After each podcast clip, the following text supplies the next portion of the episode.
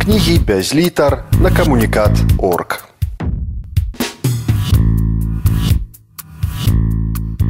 Сергей Чыгрын. Скрадзеныя скарбы слонімшчыны. Сегодня э, я хочу распавесці пра э, каштоўныя слонімскія скарбы. Заўсёды, калі сустракаюся са школьнікамі ці са студэнтамі ці проста з моладзю, э, яны з вялікім задавальненнем і радасцю слухаюць такія тэмы, як гарадскія падзямелля і старажытныя скарбы. Асабліва іх цікавіць такая тэма, як украдзеныя беларускія скарбы. За ўсе стагоддзі тое, што знікла з нашай беларускай зямлі. Але пра увесь беларускі край я не буду гутарыць, а толькі раскажу пра свой рэгіён, пра слонімшыну, пра тэрыторыю слонімскага павета, скуль за многія стагоддзі знікалі каштоўнасці.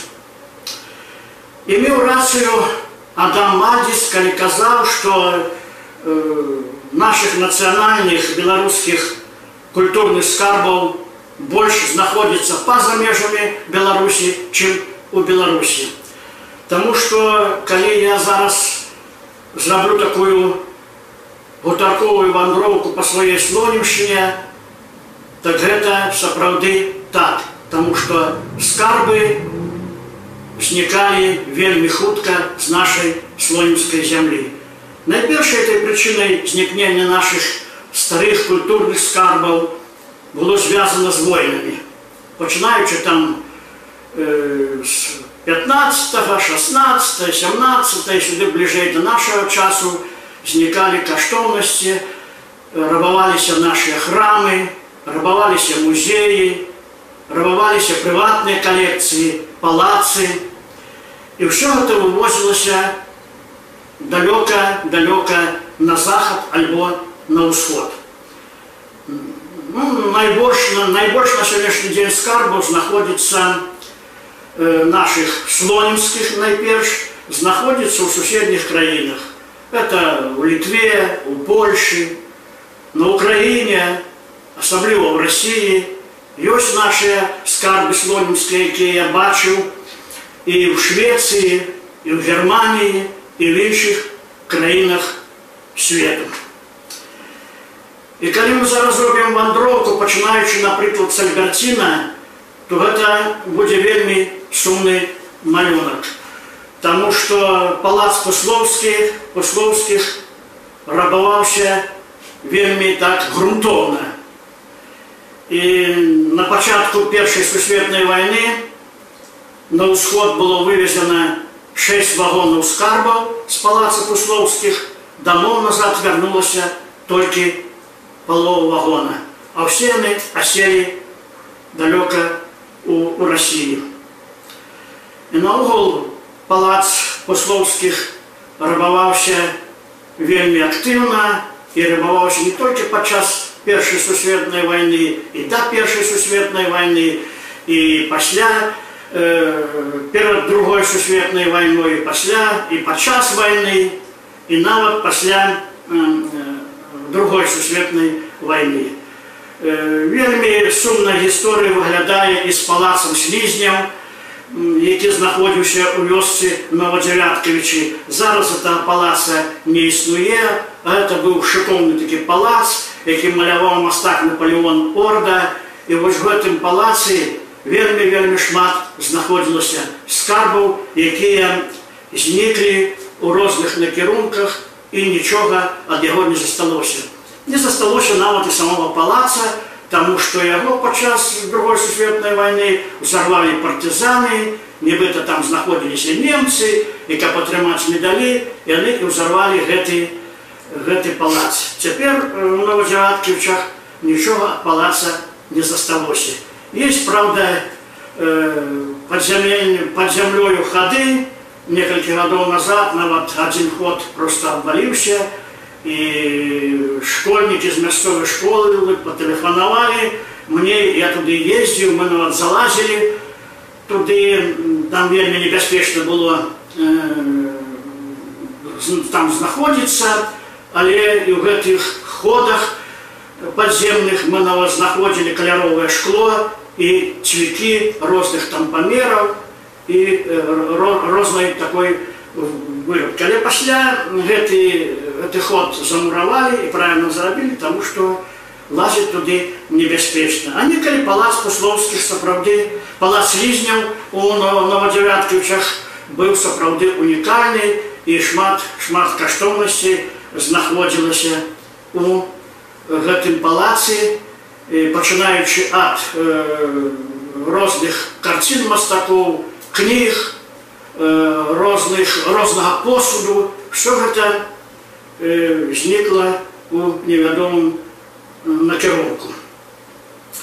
Э, калі ў слоніме быў знакаміты тэатр агінскага і ён праіснаваў недзе каля 25 гадоў, э, таксама э, ад палаца агінска нічога не засталося, все разрабавалася, все было вывезено не толькі агінскімі вывезли на захад, але рабавалі проста і мясцовы люд, ці госці разбіралі ўсё нават да, да апошняй цаглінкі. Из палаца агенских были вывезены и музычные инструменты, и разные диваны, и разные картины, шитки, библиотека, нотные шитки.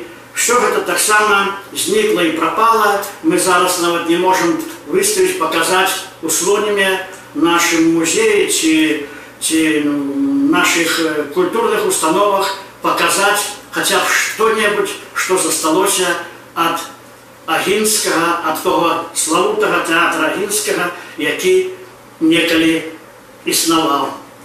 Напрыклад, во Львове, у львовскіх архівах вельмі шмат знаходзіцца журовіцкіх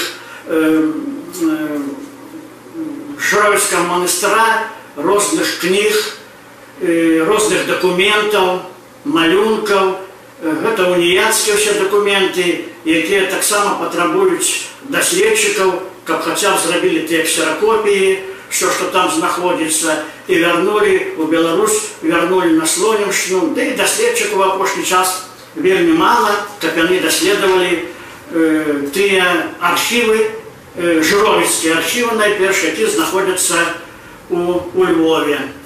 У бібліятэцы акадэміі навук ёсць э, таксама вельмі шмат слонімскіх скарбаў, асабліва рукапісаў літаратараў слонімскія, якія пісалі і дасылалі свае творы у вільню у 20-30-х годах.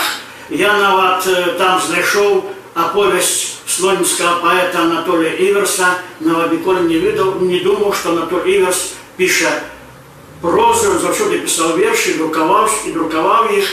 Оказывается, некалі ён напісаў аповесць і даслаў рукапісе находіцца у бібліятэцы Акадэміі навук э, Літвы.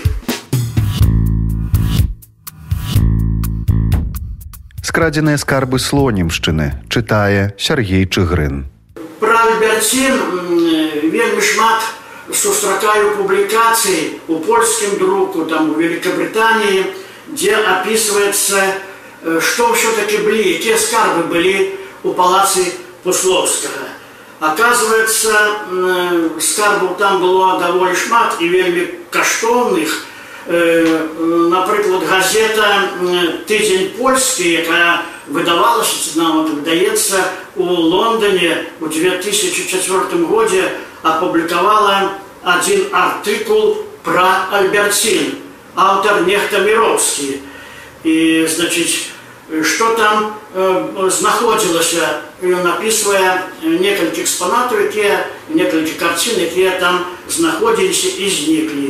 Гэта эскізы галоўкі Леонарда да Вінчы, э, Кентаура Рубенса, две карціны Брейгеля, некалькі венецианских портретов, там картины славутых польских мастаков, э, разные семейные портреты королев Великого княжества Литовского, все это зникло неведомо куды и, ведомо ж мае великую каштовность.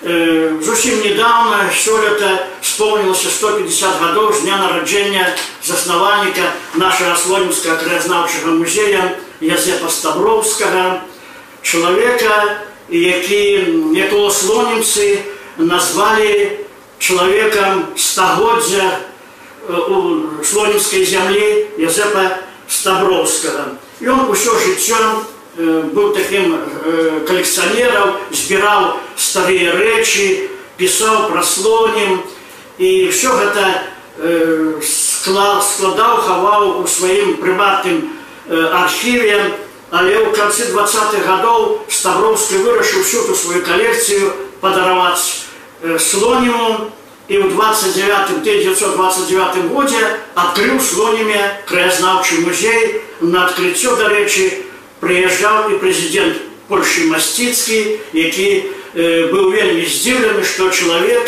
падараваў всю сваю калекцыю слоніма і адкрыў славуты краязнаўчы музей. У музеі Ставровскага вельмі шмат было каштоўных матэрыялаў, каштоўных экспанатаў, якія з гадамі за гэты час зніклі у невядомым накірунку. Дзесьці у верасні 1944 года быў складзены спіс таго, што знікла са слонімскага краязнаўчага музея. Гэта даволі вялікі спіс, што меў Ставроўскі ў сваім музеі, напрыклад, да пачатку вайны, да і пасля вайны. І, і, і тады, калі прыйшлі бальшавікі ў 39 годзе, шмат чаго знікла. І першым пунктам гэтага спіса стаіць шахматная дошка з дзвюх палавінак з чорнага дрэва і слановай косці гетмана Льва Сапегі. Это 16 стагоддзя. Уяўляеце, зараз як это прысягвала турыстаў, калі паглядзець на шахматную дошку Льва Сапегі, які на гэтай дошцы і гуляў шахматы, і, але гэтага каштоўнага вельмі дарагого экспаната няма. Акрамя шахматнай дошкі з музея знікла вельмі вельмі шмат каштоўнасцей, сярод іх і англійскі гадзіннікавы механізм 17 стагоддзя, і много іншых гадзіннікаў розных стагоддзяў і срэбных і пазалочаны і бронзавы медаль з выяваю Христа і пудзелы розных птушак і звяроў і вялікая калекцыя была манет з розных дзяржаў і розных стагоддзяў все тое што збіраў э, стаброўскі і было вельмі вельмі шмат розных значкоў там медалёў знакаў розных таксама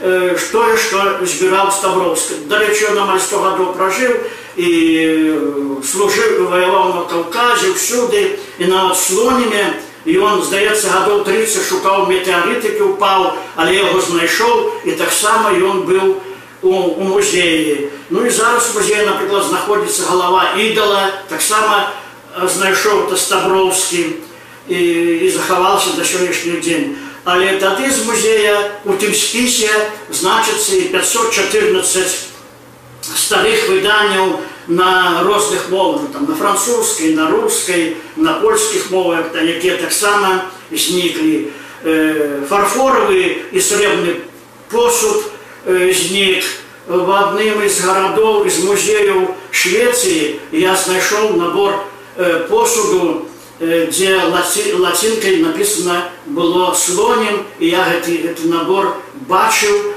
і калі наведваў адзін з гара, невялічкіх гарадоў Швецыі таксама прывезены са слоніма наш скарб знаходзіцца па-за межамі напрыклад в адным з музеяў Рослава бачыў слонімскую паштовую карету 30-х гадоў ну і таких прыкладаў можна прывесці вельмі вельмі шмат Наогул Ставроўскі быў вельмі э, цікавым і добрым чалавекам і такім шчырым чалавекам. Я яшчэ маленькім хлопчыкам быў, памятаю, якім такім салдацкім шынялі, заўсёды раніцай ішоў в свой музей, і ўсе слоніцы казалі, што ён думае, што ён такі дзіўнаваты быў чалавек.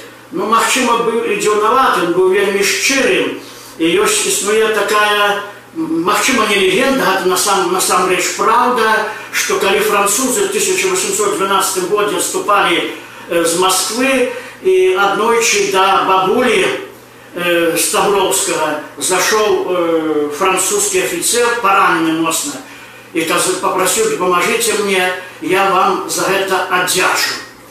І сапраўды жанчыны, якія знаходзіліся ў доме, взяли это французского офицера, перевязали, напоили его гарбаткой, поклали его спать, все. А он сказал, я вам отдячу, отдячу. Когда ему такую оказали, и он достал карту, мапу, и сказал, вот это вельми каштовная мапа, тут позначены пункты, где Российской империи от Москвы до, до Слонима, будем сказать, до, до нашей заходней части, здесь находятся скарбы, закопанные французами, в яких местинах тое, што нарабавалі французы, але не змаглі данесці да, да Францыі, гэта вельмі каштоўная мапа і аддаў гэтай бабулі. А сам да раніцы не дажыў памёр. І эта бабуля захоўвала гэтую мапу, тую карту і пасля падаравала Язепу Стабровскага.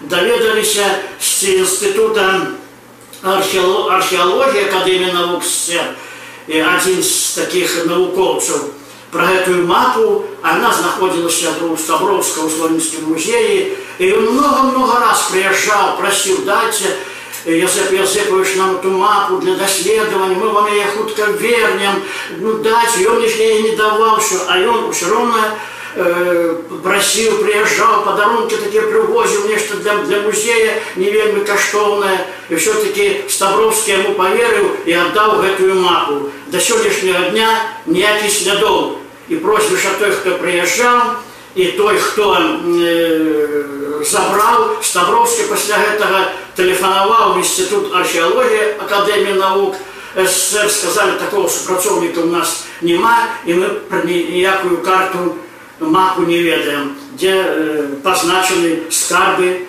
нарабаваныя французскімі салдатамі гэта адзін з такіх прыкладаў як э, якія язэп ставровскі быў шчырым чалавекам і цярпялівым ну яшчэ хочу сказаць што падчас другой сусветнай вайны ён вельмі шмат выратаваў э, музейных скарбаў сцяне іх хаваў дзе толькі мажліва И висела картина Верощагина у Слонимском музее. И зашел немецкий офицер и сказал, что эта картина повинна находиться не в Слониме, а в Дрездене.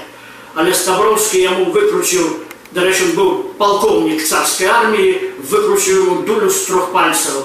И побоялся его забивать, этот немецкий э, офицер, потому что все-таки человек был заслужен, да и уже в взросте был, але добре ему там набил его и вышел с музея, але картину Верещагина так не зачепил. Правда, я до сегодняшнего дня хотя в музее нашем были письма там и Пушкина, и Толстого были письма, многие такие каштовные экспонаты, починаючи там с 1929 года, з нашого, з нашого музея зникли До войны и подчас войны у Слониме жил славутый мастак Антон Корницкий, и он хворел на сухоты, але вельми-вельми цудоўны быў мастак, некалькі карцін захавалася ў нашым краязнаўчым музее, але такі факт ёсць застаецца фактам, што 180 карцін яго